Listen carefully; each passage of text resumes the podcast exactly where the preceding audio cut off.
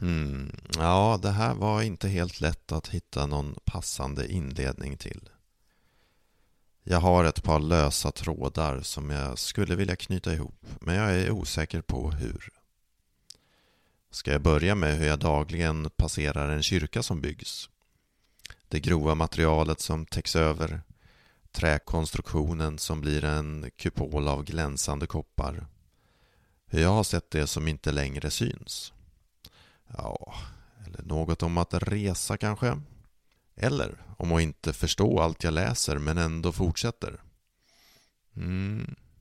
Men i slutet av december 2020 läser jag en notis om att pianisten och kompositören Blue Jean Tyranny har dött efter en tids sjukdom vid 75 års ålder.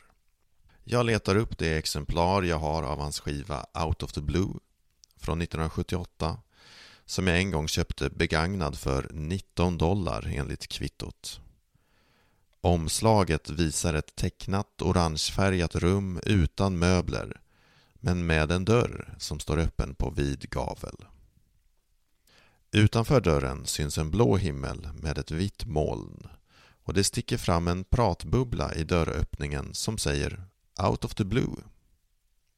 Skulle man stiga ut utanför dörren så skulle man kliva ut rakt bland molnen. Bilden är inte alls hotfull utan jag får en känsla av att luften skulle bära mig ifall jag tog klivet ut. Jag lyssnar igenom skivan och minns vilken, ja, dörröppnare den var för mig. Den bar med sig ledtrådar till andra musiker och skivor som jag senare upptäckte. Men den här gången fastnar jag för det 25 minuter långa spår som avslutar B-sidan. Det är en delvis talad och delvis sjungen historia. En berättelse i form av ett brev. När brevskrivaren hör ljudet av ett tåg blir denne plötsligt påmind om den vän som brevet ska skrivas till. Brevskrivaren tycker att det är ganska så märkligt. Ofta gör ju ljudet av tåg som passerar att hon inte tänker på något särskilt. Men den här gången var det på vännen som brevskrivaren tänkte på. Och brevets mottagare heter Blue Jean. Och en bit in låter det så här. Sometimes you imagine you're in the music and sometimes you're apart from it. I remember the time the band gave your name, Blue Jean. There was a feeling that trouble was built into you, like they say, in your dreams. Both you and I know you're no victim of circumstance. Men eh, vänta nu, jag lyssnar till den meningen en gång till. Sometimes you imagine you're in the music and sometimes you're apart from it. Är det inte så här det kan vara för mig med läsning ibland? Att jag ibland befinner mig liksom mitt i boken jag läser och andra gånger utanför. Jag lyssnar vidare och stannar till ytterligare en gång. How do you describe something which is invisible and unknowable? When the train goes by, what should I pay attention to?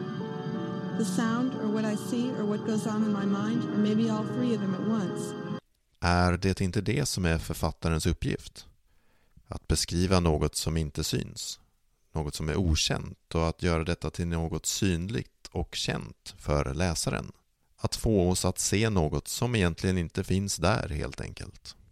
Någon som verkligen försöker få oss att se det som är dolt är Hervé Guibert i sin roman Blinda från 1985 som nu finns i översättning av Jan Henrik Svan.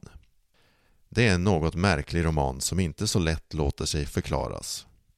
Den utspelar sig på ett institut för blinda och i centrum för handlingen finns Josette och hennes man Robert. En bit in i romanen kommer det en massör som kallar sig för taigurör efter engelskans tiger till institutet. Men om han verkligen är en massör finns det flera som tvivlar på.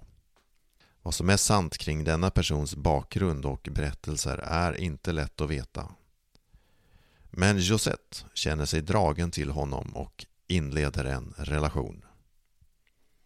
Att Guibert vill testa gränserna för mycket i den här romanen är uppenbart. Och ibland kanske det inte lyckas helt. Men beskrivningarna av hur vardagen ter sig för personerna på institutet är för mig ganska så häpnadsväckande. Det är färger, former och lukter som har en annan logik än den som jag är van vid. Guibert lyckas få mig att se på verkligheten på ett annat sätt och visar hur vardagliga objekt kan laddas med nytt innehåll. Om han ger en rättvis bild av en blinds förnimmelse av verkligheten kan nog bara en icke-seende bekräfta. Men i romanen är fantasirikedomen Guibert besitter märkbar och han lyckas med att göra så att jag känner att jag befinner mig just mitt i romanen. Efter att ha läst ut Hervé Guiberts bok så börjar jag läsa Ernst Sabatos bok om hjältar och gravar. Och kapitlet som nu väntar i den boken har faktiskt titeln Rapport om blinda. Och just det, Blue Jean Tyranny förlorade ju synen och blev sedan blind. Så kanske gick det att knyta ihop det här i alla fall.